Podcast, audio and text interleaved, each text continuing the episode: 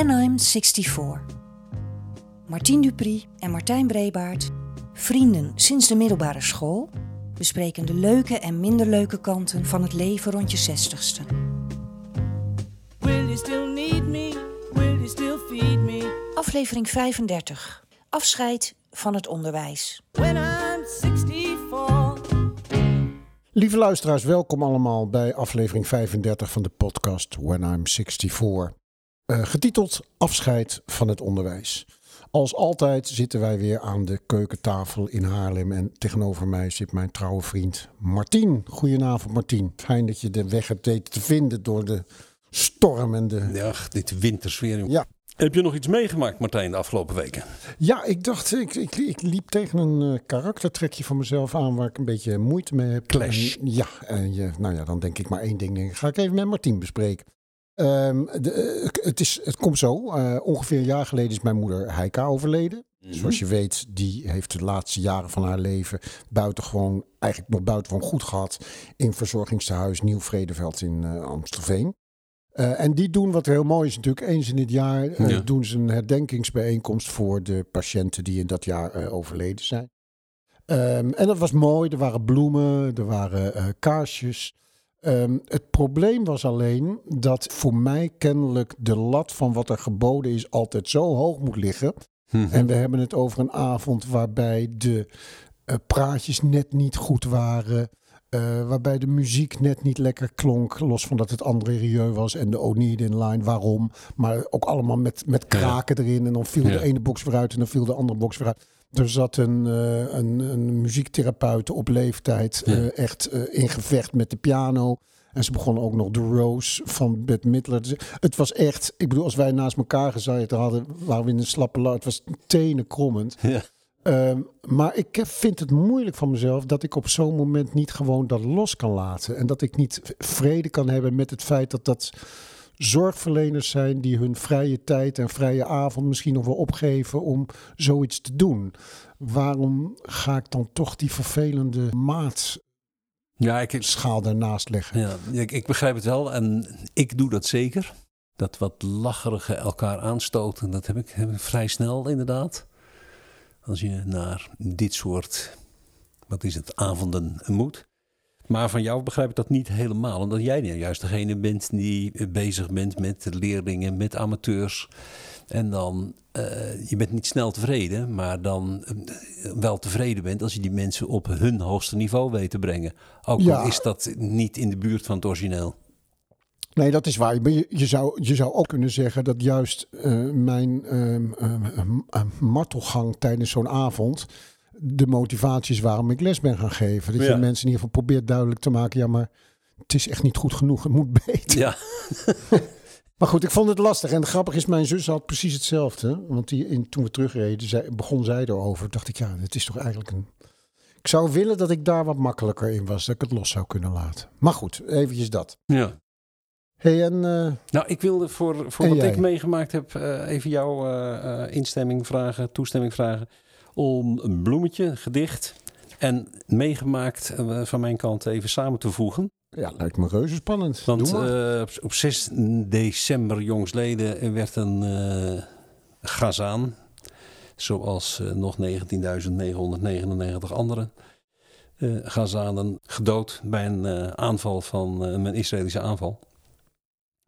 En deze gazaan was Refaat Alarir. Ik spreek het dat waarschijnlijk niet goed uit. Maar de beste man was dichter en hoogleraar Engelse literatuur aan de Universiteit van eh, Gaza-stad. Nou ken ik hem niet, maar was hij daar een bekende... Ja. Ah. Ja, zeer bekend. En eh, door, aanbeden door zijn eh, studenten. Aha. Omdat hij zeer duidelijk was in zijn standpunten en overtuigingen. Mhm. dus, zijn motto was: geen enkele daad van Palestijns verzet is terreur. Oh, dat is wel duidelijk, ja. Ik, goed, je, je, om, het, om het goed te begrijpen moet je eigenlijk zeggen: geen enkele daad van Palestijns eh, verzet kan terreur zijn. Want hij zag dus ook eh, verzet van, of ook alle, ex, alle, het extreem geweld van Hamas zag hij als verzetsdaden. En dus legitiem. En dus legitiem, Ja. ja. Dus dat, eh, dat, dat met, eh, dus de Telegraaf meldde dat de omstreden dichter was omgebracht. Dus eh, er wordt wel verschillend over Smans ideeën eh, gedacht. Zoals bijna alles in dit conflict. Hij is gedood in een appartement bij een luchtaanval van de Israëli's. Waarbij uitsluitend dat appartement werd geraakt. Oh, Mensenrechtenorganisaties eh, gaan ervan uit dat het ook een bewuste aanval was. Hij was van tevoren ook door de Israëli's ingelicht. Dat ze wisten waar hij was.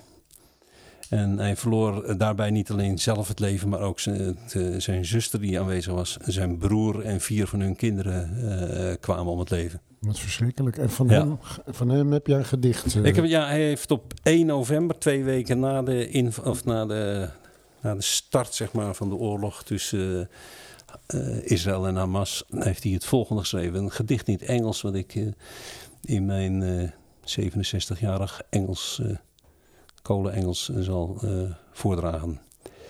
If I Must Die is de titel. If I must die, you must live to tell my story. To sell my things and to buy a piece of cloth and some strings. Make it white with a long tail. So that a child somewhere in Gaza, while looking heaven in the eye, awaiting his dead, who left in a blaze and bid no one farewell, not even to his flesh, not even to himself, sees the kite, my kite, you made, flying up above, and thinks for a moment an angel is there bringing back love. If I must die, let it bring hope. Let it be a tale.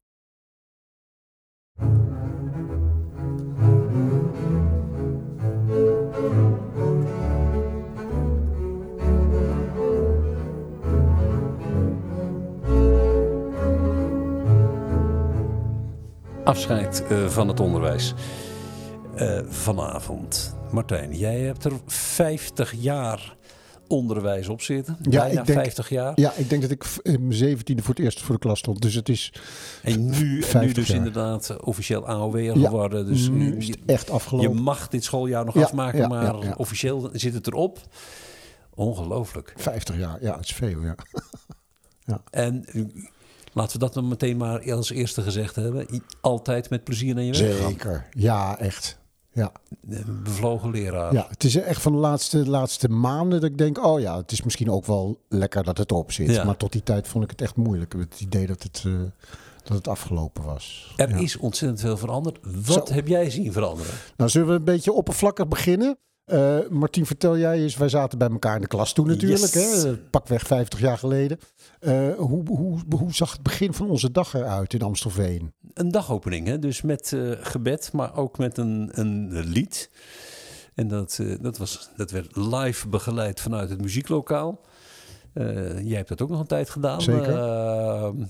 En wij zongen dan, ik kan me niet meer herinneren hoe dat werd geprogrammeerd, maar wij zongen dan een lied. En Ja, in dus- alle lokalen hing één klein lullig spiekertje. En de psalm- en gezangenbundel lag in het lokaal. Ja. En dan kreeg je s'morgens te horen, denk ik, welk lied er gezongen moest worden. En dan werd in iedere klas... Ja, ik weet dat.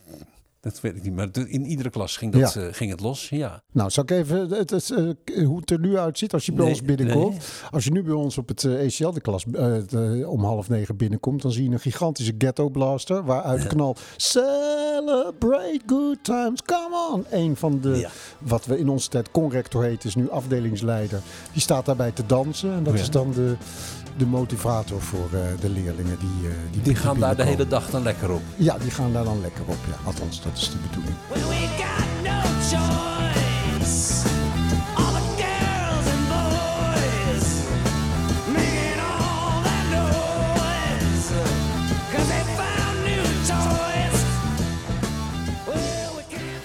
Nou, nog iets wat natuurlijk enorm veranderd is, is de eh, digitalisering van, eh, van het onderwijs. Maar dan even, ook weer even oppervlakkig.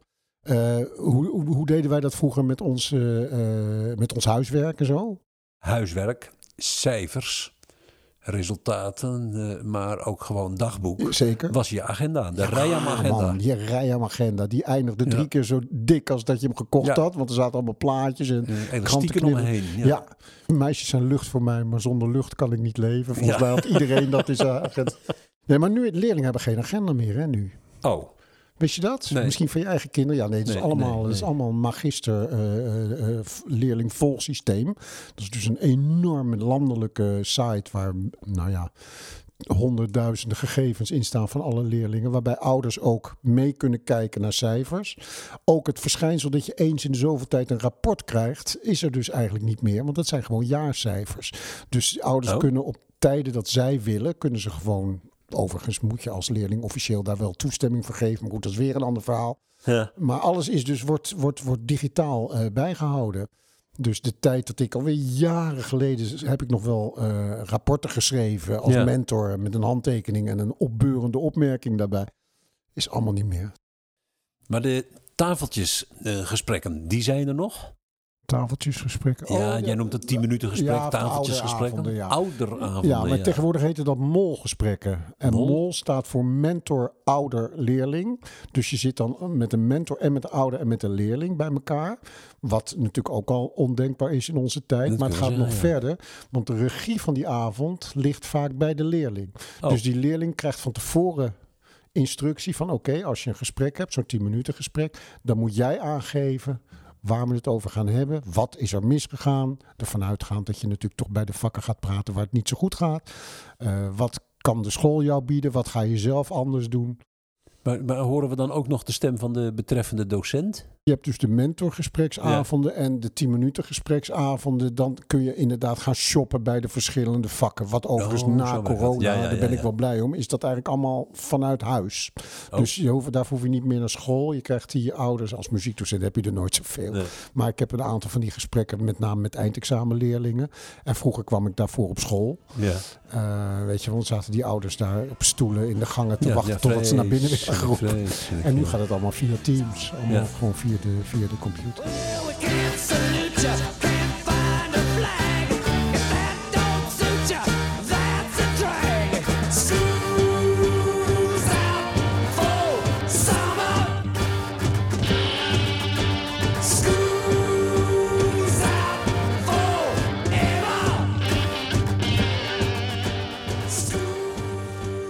Gewoon heel praktisch hadden wij natuurlijk allerlei. Ik bedoel, een enorme innovatie was eh, toen wij op school zaten de, de video. Ik weet niet eens of dat toen al zo heette, maar dan zag je de klaviger. De, OOP heet dat nu, hè?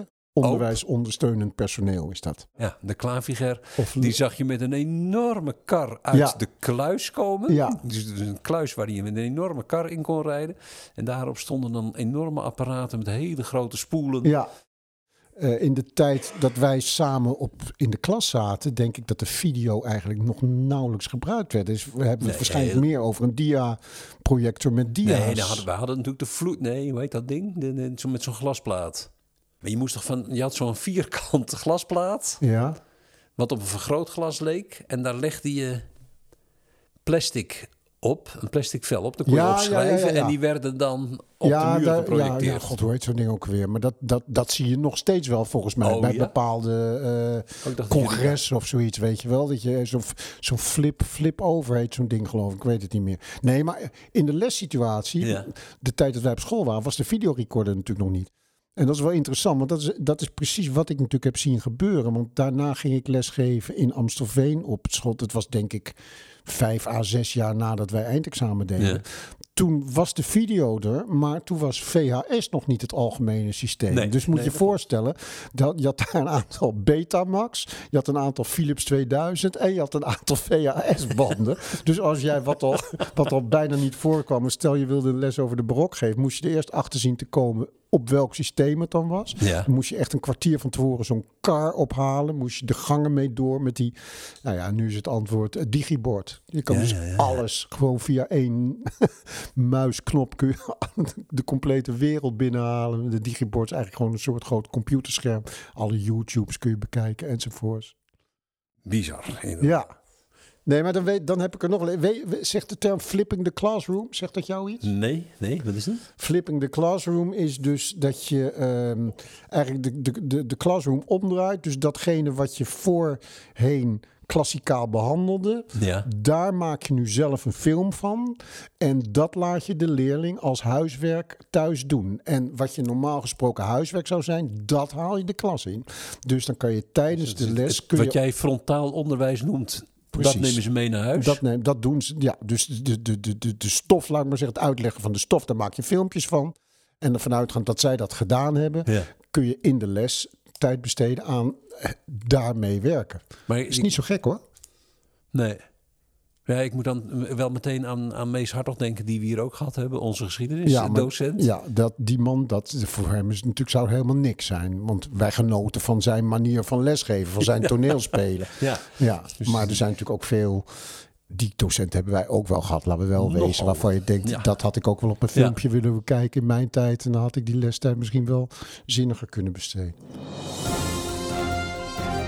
De quote van. Ja, nou ja, dat eh, tegenwoordig niemand meer foutloos kan schrijven. Zelfs niet in de kranten.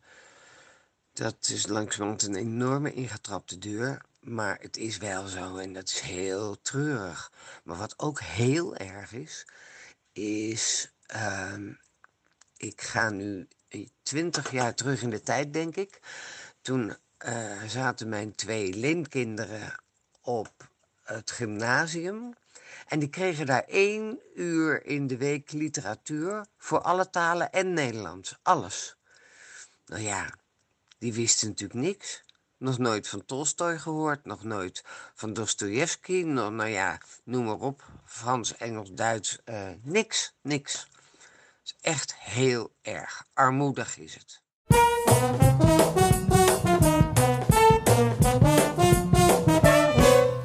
Ja, Coot. Uit het hart gegrepen. eh, eh. en Martijn, is dat nou allemaal de schuld van het onderwijs? Geen, we lezen niet meer en daarom kunnen we niet meer schrijven? Nou ja, we zijn een beetje door de, door de realiteit ingehaald hè, met deze podcast. Want wij, wij wilden het hier al over gaan hebben. En toen kwam verleden week die verontrustende resultaten van, die, van het onderzoek uit. PISA-onderzoek. Ja, dat is echt, je schrikt je kapot hè. ja. Zijn geloof ik even... wat Een derde van de helemaal- 15, 16-jarigen kan zich in het leven niet redden. Is Het is eigenlijk echt onvoorstelbaar. We zitten bij, eh, geloof ik, een van de laagste landen in Europa als het gaat om... Alleen, eh, alleen Griekenland Ja, is, eh, ja. heeft een nog lagere leesvaardigheid. Onvoorstelbaar. Nou ja, en wat, wat ik een interessante vraag vind, want om even terug te komen op het eerste wat coach zegt. Ik heb 90 brugklasleerlingen een, een toets gegeven, waar op een gegeven moment gevraagd wordt naar hoe, wat, hoe heet deze noot. Het antwoord was een halve noot. Ja. Martien, van die 90, ik overdrijf niet, zijn er 30, 30 leerlingen die schrijven halve met een F. Ja. Dat is voor mij onvoorstelbaar, omdat het voor mij F. pijn doet aan, ja, Ja. Ja. Of dat het voor mij pijn doet aan mijn ogen. Maar ik ben er ook van overtuigd dat ik die fout niet maakte toen ik, toen ik 12 of 13 was. Toen deed het ook al pijn aan mijn ogen. En bij Ja. jou toch ook, neem ik aan. Net zoals wanneer je school met een, met een lange G schrijft. Dat, dat, en dat gebeurt dus. En niet bij een enkele leerling die eh, dyslectisch is. Nee, dat gebeurt gewoon bij een derde van de leerlingen. Dus wat dat betreft ben ik het wel heel erg met de code eens. Wat ik een interessante vraag vind, is in hoeverre lost meer lezen ook de spellingsincompetentie op? Ja, nou ja, goed. Ik ben daarvan overtuigd omdat voor iemand die, iemand die meer leest, of veel leest, die leest niet per letter, maar per woord of zelfs per aantal woorden. En voor iemand die per woord leest, is het woord hond met een T, heeft voor hem geen enkele relatie met zo'n beest op vier poten. Nee. Ik vind Dus, dus als je meer leest, Ja. word je ook sneller, of nee, heb je eerder dat je eh, denkt, is dit nou wel goed? Ja. En dat gaat niet alleen op voorspelling, maar dat gaat ook op voor grammatica. Nou, die- dat is natuurlijk een tweede punt wat je alleen maar kunt signaleren. Zeker als je het afzet tegen wat wij eh, voor boekenlijsten hadden. Leerlingen lezen niet meer. nee. Dus wat dat betreft, ik vind Code haar tweede eh, hoofdstuk eh, van de jammerklacht begrijp ik heel goed. Zo goed dat we daar een aparte podcast nog aan gaan wijden. Ik heb een collega uitgenodigd die bij ons op school eh, zich nogal ingezet heeft voor het literatuuronderwijs. Dus ik vind Ja. het interessant om haar daar volgende keer iets over te vragen. Eh, maar dat leerlingen minder lezen. En daardoor niet alleen minder spellen, maar ook veel minder algemene ontwikkeling hebben. Want Ja. er zijn dus ook, ik, ik kom ook tegen in de les dat, aan- dat je aan leerlingen vraagt wanneer is de popmuziek ontstaan. En dat ze dan zeggen ja, rond, rond 1800, weet je wel. Of de, de Eerste Wereldoorlog in de barokplaats. Ja, ja. Ik vraag me af, zou dat, was het bij ons nou ook zo? Toen wij zo jong waren, hadden we ook geen enkel idee. Wij, wij stampten natuurlijk, ehm, maar heel vervelend, maar wij stampten natuurlijk nog jaartallen. Hè? Ja, is dat zo? Ja, natuurlijk. 80-jarige oorlog. Je wist waar zich dat ongeveer jij, afspeelde. meer, jij hè? meer dan ik, volgens mij. Nou, vaderlandse geschiedenis was vroeger natuurlijk echt een vak. Een, Ja. apart vak. Ja. Ehm, Maar het heeft naar mijn idee ook te maken met eh, dat ik thuis met mijn ouders naar het acht uur journaal zat te kijken. En daarna ook nog even praten over wat er aangeboden werd. En dat, dat gebeurt nu natuurlijk ook helemaal niet meer. Maar goed, waar het vandaan komt, komt het vandaan. Ik vind dat een punt. En waar ik heel erg ter aanloop is die zesjescultuur.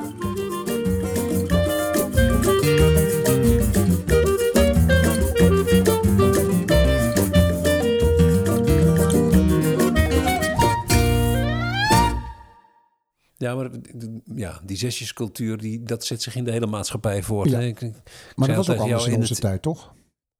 Ja, wij deden net alsof we voor de zesjescultuur waren. Maar Ja, dat was niet ondertussen... Nee, nee, nee. Het was toch een soort natuurlijke dwang om. Ja, ik weet niet of, of, of, of we meer leergierig waren of dat we het meer deden omdat, omdat het not done was om het. Ja, ik denk dat daarin natuurlijk eh, onze protestantse achtergrond eh, of opvoeding wel wat geholpen heeft. Alleen het hoogst nodige doen, wat tegenwoordig eh, geaccepteerd is, was vroeger natuurlijk echt niet geaccepteerd. Een collega van mij vertelde dat hij dus een, een, een, een leerling met een eindexamenonderwerp, een, of een eindexamendeel, Ja. moet je voorstellen, ik geloof 25% van zijn cijfer, zo niet meer, was helemaal misgegaan. Hij was naar die jongen toegegaan, had die jongen gezegd, ja, ik, ik had geen tijd om, om, om dat te leren, want er was iets tussen gekomen. En Ja. Je denkt van, dat, dat is toch echt volkomen. Ondenkbaar in onze tijd. Dat zo'n Nou, dat, is- dat, is- maar dat, was is- iets dat, is, dat is weer iets anders. Dus je hebt in het, in het werk, eh, en dat geldt voor scholen ook, heb je een, een, een Engels begrip, quiet, hoe heet dat? Quiet quittings. Zeg het nog eens. Quiet quittings. Ja, ik vind het heel moeilijk ja. te onthouden, omdat ik eigenlijk niet goed... De vertaling eh, is alleen het hoognodige doen. En dat zijn dus mensen die om 1700 uur, om 5 uur 's middags, de laptop dicht doen. Die zeggen, waarom zal ik voor mijn baas gaan tussen haakjes overwerken? Waarom zou ik meer doen dan waar ik voor betaald? Ik ga zo min mogelijk doen. Dat heb je op scholen ook. Daarnaast heb je natuurlijk wat jij zegt over die leerling met zijn eindexamentaken. Dat mensen anders dan 50 jaar geleden, denk ik, jij moet dat weten, eh, eh, veel meer om handen hebben tegenwoordig. Veel, wij, bij ons draaide alles om school. Niet zozeer om het leren, maar de school was onze gemeenschap. Ja, met de, ja, precies. Maar het was een keuze. Want als, als het had gekund, had je misschien ook wel andere dingen om handen gehad. Maar dat deed je niet, want je ging je eindexamen doen. Nou ja, je had geen internet. Nee, oké, goed. stelde, sportscholen waren er sowieso niet. Nou ja, sportverenigingen waren er wel natuurlijk. Jawel, en ja, hadden niet. baantjes. Maar ik kan me wel herinneren in onze tijd dat je baantjes afzei tijdens je examenperiode. Ja. en nu is het andersom. Nu zeggen leerlingen gewoon, ja, ik kon het examen niet doen, want ik moest werken. Dat is toch heel Ja. wonderlijk eigenlijk. Maar ik kwam nog iets tegen over die zesjescultuur. Hè. Het Ja. sluit ook wel aan bij wat jij zei, maar ik, ik las het in een artikel. De drie oorzaken van de zesjescultuur. In de eerste plaats, als je iets moet doen wat je eigenlijk niet boeit, Ja. dan krijg je dat. In de tweede plaats, er is geen natuurlijke drang tot excelleren. Bij jongens. Ja, dat is ook wel een leuke Ja. uiting. Maar in, in Japan, niet Ja. dat ik zeg dat dat moet, hè, maar in Japan bijvoorbeeld, wist je dat? Daar hangen Ja. dus in ieder lokaal hangen er, eh, ehm, eh, eh, hoe heet het, Eh, scorelijsten hè, van de leerling die het meest excelleert. En eh, dat is dus verschrikkelijk als je daar niet bij de top 5 hoort, bij wijze van spreken. Ik weet niet of je daar naartoe moet. Nou, even- medewerker van de maand en zo is Ja, in Nederland precies, natuurlijk die- ook een besmet begrip. Eh, alleen bij McDonald's werkt dat. En er werd ook nog genoemd de puberluiheid. Maar die was er in onze tijd natuurlijk ook wel, denk ik. Ik geloof niet dat dat nou erg veranderd is. Ik geloof dat we wel, wel ik geloof dat de puber op zichzelf namelijk niet zo veranderd is. Alles om hem of haar heen wel. Maar de Al denk ik, al maar dat kan de leeftijd zijn. Ik denk wel dat wij Drop ons 20 meer volwassen. Indicate precisely what you need to say. You're sincerely away. Give me your answer, feeling it for my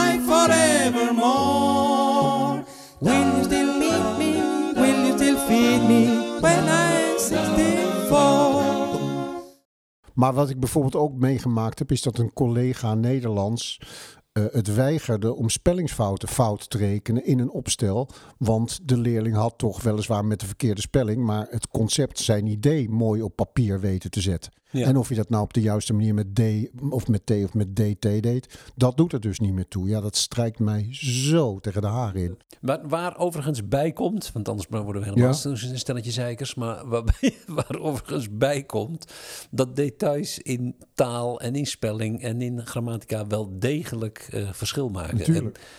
En, eh, ik, zei, ik kreeg van de week een briefje en daar werd het woord in plaats van verrassing voor iemand. eh, stond er verassing. Ja. Dat betekent toch echt voor mij, als ik het lees, betekent dat echt iets anders. Daar Moet zou je een heel even- leuk lijstje van kunnen maken. Ja, ja. Ja. ja, klopt. Ja. Brief aan mijn vader.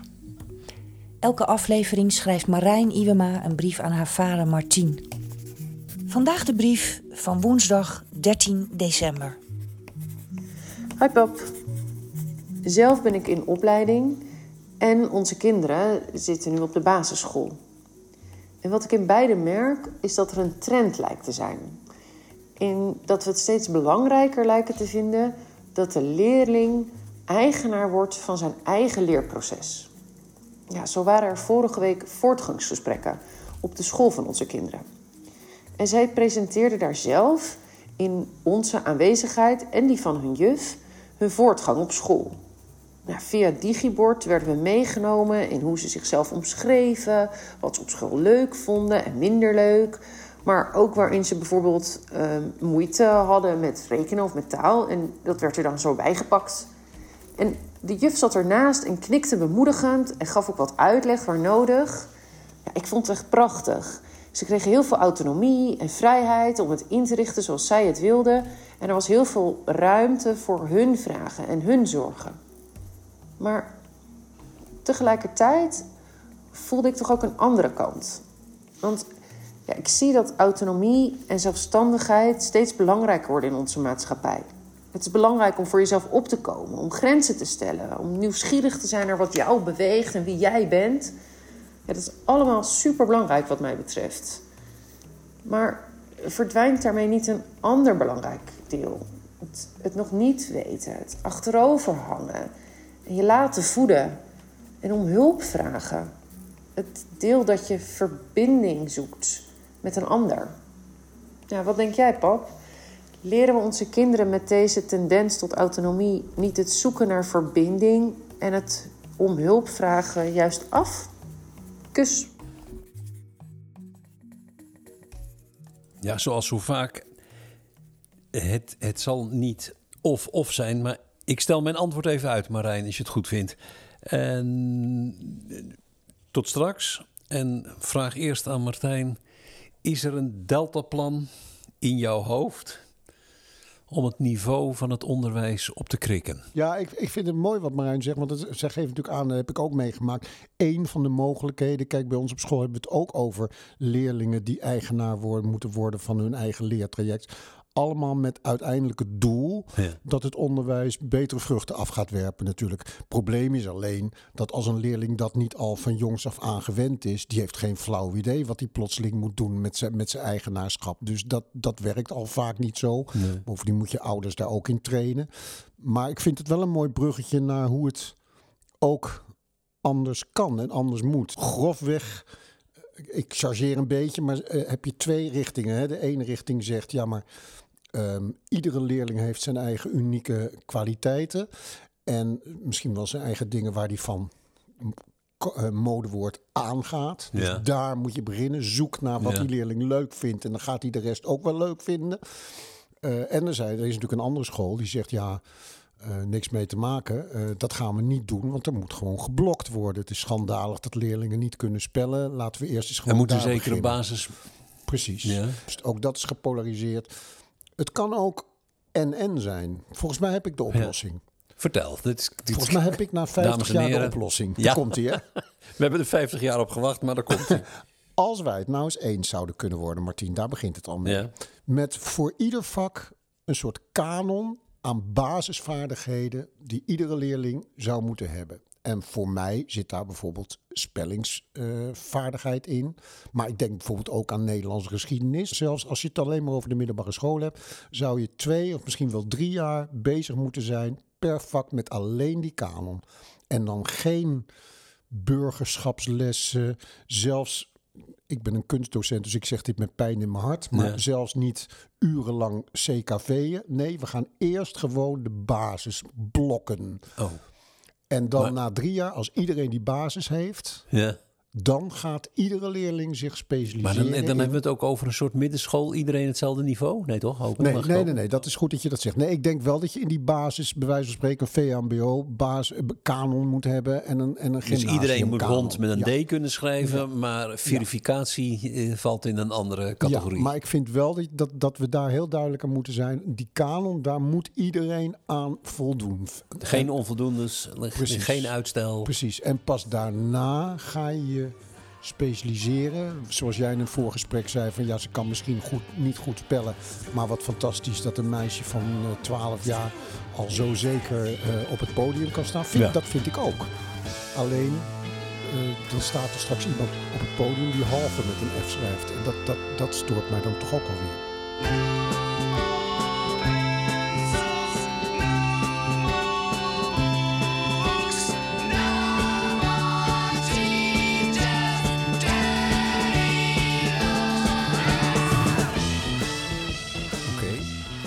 Dus schiet er eens op. Nou ja, kijk, eh, dat we het in Nederland over iets eens worden, dat is natuurlijk het zwakke van het voorstel. dat gebeurt sowieso niet, maar het is leuk om bijna over- niet te doen. over te dromen. Zouden wij het eens kunnen worden? Ja, wij misschien wel. Maar is, is denk Nou je ja, dat kijk, het gaat dat je zo'n kanon zou kunnen Nou formuleren? ja, dat gaat natuurlijk heel vaak over, over, of in de eerste plaats of je alle twee, dus iedereen die bij die kanon betrokken is, het, eh, hoe zeg je dat, hetzelfde belang aan dingen geeft. Mhm, dus ik, ik zou het wel belangrijk vinden dat iedereen weet dat de Tweede Wereldoorlog plaats heeft gevonden in de 20e eeuw. Nou ja, dat. En halverwege de 20e eeuw eh, nog liever. dat. Dus dat zou ik, dat, maar een ander, en daar heb ik geen belang bij, dan, dat wordt lastig. Ja, maar ik vind dus dat je in mijn optiek een Nederlandse eh, docent die zegt: maakt mij niet uit of de DT goed is, als je zijn gedachten maar onderwoordt, die moet je dan terug kunnen fluiten op Ja, dat moment. Dat moet absoluut niet meer. Ja. Nee, dat maar ik weet niet of wij daar echt niet meer. Alleen daarvan, nou ja, dat weet ik niet. Met zo'n onderzoek in de hand denk ik, misschien is dit wel een mooie waterkering. Dat mensen zich realiseren, ja, maar het is natuurlijk echt te gek dat een derde van de leerlingen straks geen tekst kan lezen.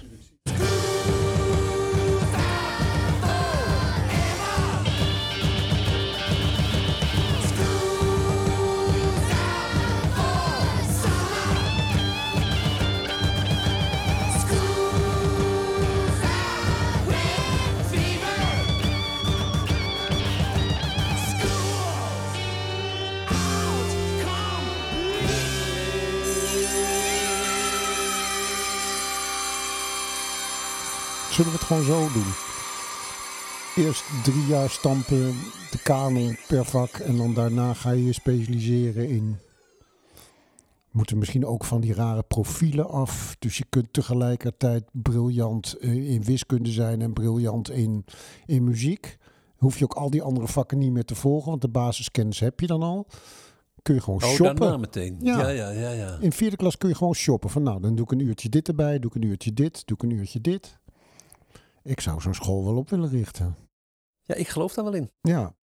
Het, het heeft Simpel, in ieder geval de charme van de duidelijkheid. Nou, Martien, zo hebben we toch binnen een paar uur het eh Nederlands onderwijssysteem veranderd en Ja. verbeterd. Het was, het was inspannend, zal ik Nou, zeggen. Maar we toch. Ik begrijp niet waar ze zo moeilijk over doen. Ik vond het wel gezellig. Ja. Want jij kiest dus voor, als we het even beperken tot het middelbaar onderwijs. Mhm. Voor elk vak een duidelijke kanon, of eigenlijk een kanon voor het gehele onderwijs wat er gegeven wordt in, eh, op de lage of de middelbare school. Ja. In verschillende niveaus, Ja. naar schooltypen. En die jaren van kanon leren, stampen, Ja, echt lekker ouderwets. Die worden gevolgd door jaren van op de leerling toegesneden en eventueel door de leerling zelf gekozen eh, vakken. Precies. En dan is er ook geen enkele beperking meer ingegeven door eh, richting of door profielen. Dan moet je gewoon zo, je moet kunnen shoppen welk vak je Net ook maar de, de wilt. minors en, en eh, ja, op de precies. universiteit. Gewoon aansluitend bij je eigen interesses. Of, En dan is het dus en, en, en er is een Ja. periode van stampen en de basisdingen leren. precies. En dat zit dan in die kanon. En je hebt een eh, even zo lange periode van totale vrijheid. Waarin je jezelf kunt bewijzen, kunt ontwikkelen, Ja. kunt ontplooien. Ja, fantastisch. Ja. ik denk ook dat dat voor de, de Marijn, voor de, de vraag geldt van Marijn. Dat, je, dat ook daar een balans gezocht moet Zeker. worden. Ja. En gevonden moet worden, vooral tussen die twee dingen. En dat het en-en is. Je zult en die leerlingen moeten leren om verbinding te zoeken. En je moet ze leren om autonoom te zijn. Ja. Nou, ook, dat, eh, ook die vraag is beantwoord. Marijn, we zitten nu met een glas wijn in de hand. Heel goed. Dit moet goed komen. Jij zag net een muis voorbij lopen hè, in mijn Ik, huis ik, ik, zal het u sterk vertellen, we hebben een duo.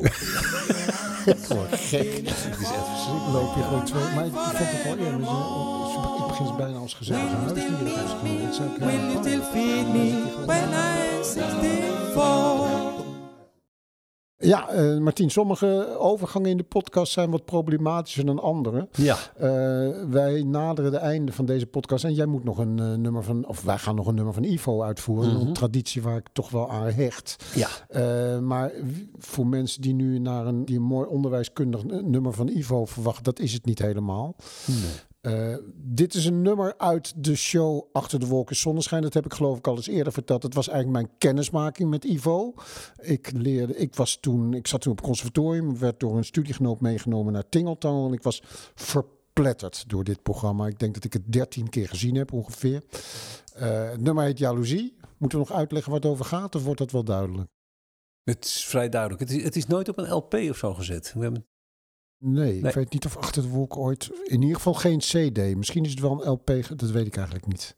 nee, die heb ik allemaal thuis wel, maar het staat Oké, niet op. Nee. oké. Nou ja, dat is dus Dus daarom- heel uniek wat we nu doen. Want op YouTube kan je hem ook niet vinden. ter- Terwijl dat toch een ja, leerzame eh, tekst is. Zullen we het daarbij houden gewoon? Daar houden we het bij. Jaloezie. Echte eerlijkheid is nooit platvloers. Wij zijn eerlijk, Eerlijk. eerlijk en jaloers. Wij zijn jaloers op vrouwen, dat zal wel nooit verflauwen. De gelijkheid van de seksen onderschrijven wij. Maar gelijkheid in de seks, ach gut, waar blijven wij? Wij verschieten in een ommezien ons kruid. Eén keer, soms twee keer, over en uit.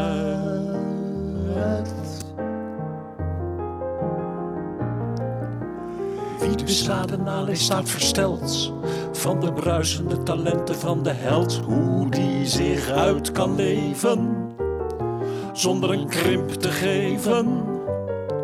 Maar als wij zoiets proberen, blijkt het keer op keer. Er bestaat geen nimmer falend repeteergeweer. Nee, de zaden die belazerde de kluit, de kluit. Eén keer, soms twee keer, over en uit.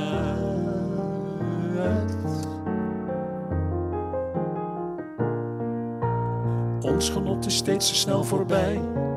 Dat is onbillijk en juist daarom hopen wij dat het nog ooit zal lukken.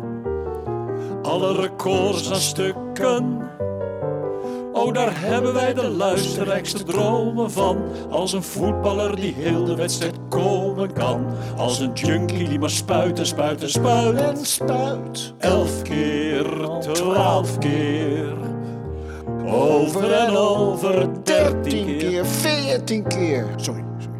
Over en uit.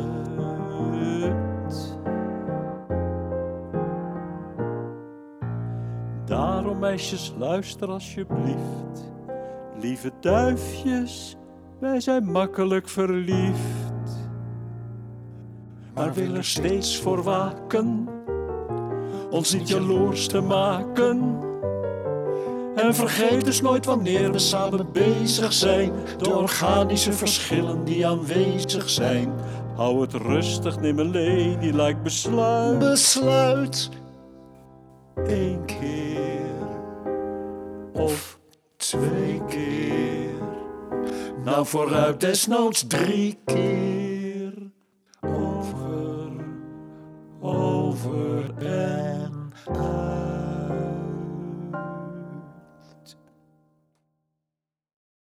En daarmee beëindigen we aflevering 35 van eh, onze podcast. Martien en ik zien jullie heel graag de volgende keer weer. Voor aflevering 36. Ja, Dan gaan we. literatuuronderwijs Ja, gaan we het over hebben. Ja, het, als het waar is, het, ik, ik, ik moet het aannemen, iedereen zegt het nu. één uur per week literatuurles. Voor alle vakken, voor, tenminste voor alle talen. We gaan daar een collega van mij die in principe al toegezegd heeft, maar ik durf nog niet helemaal zeker te zeggen. Maar we gaan, we gaan daar met iemand over praten. Want Oké, ik heb wij, wij, want ik ook, maar jij ook. Wij hebben niet voor niks 60 boeken Nee, Nederlands precies. gelezen voor onze eindlijst. En voor elke moderne taal ook nog eens 30 erbij. Dus ja, maar we hebben ze ook niet gelezen. Nederlands wel. Ja, allemaal? Ja.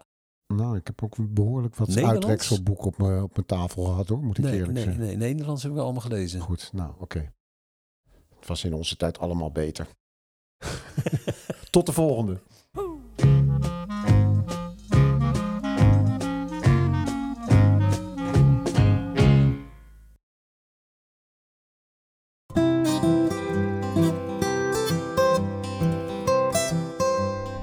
Vind je dit een leuke podcast? Dan hoef je geen uitzending meer te missen als je je abonneert of ons gaat volgen via de bekende podcast-apps zoals Spotify en Apple Podcasts. Leuke foto's en filmpjes kun je vinden op onze Instagram-pagina When I'm 64 pod. Reageren kan via de mail when I'm 64 podcast at gmail.com. Heb je dat Martien? Ja, dat gaat lukken.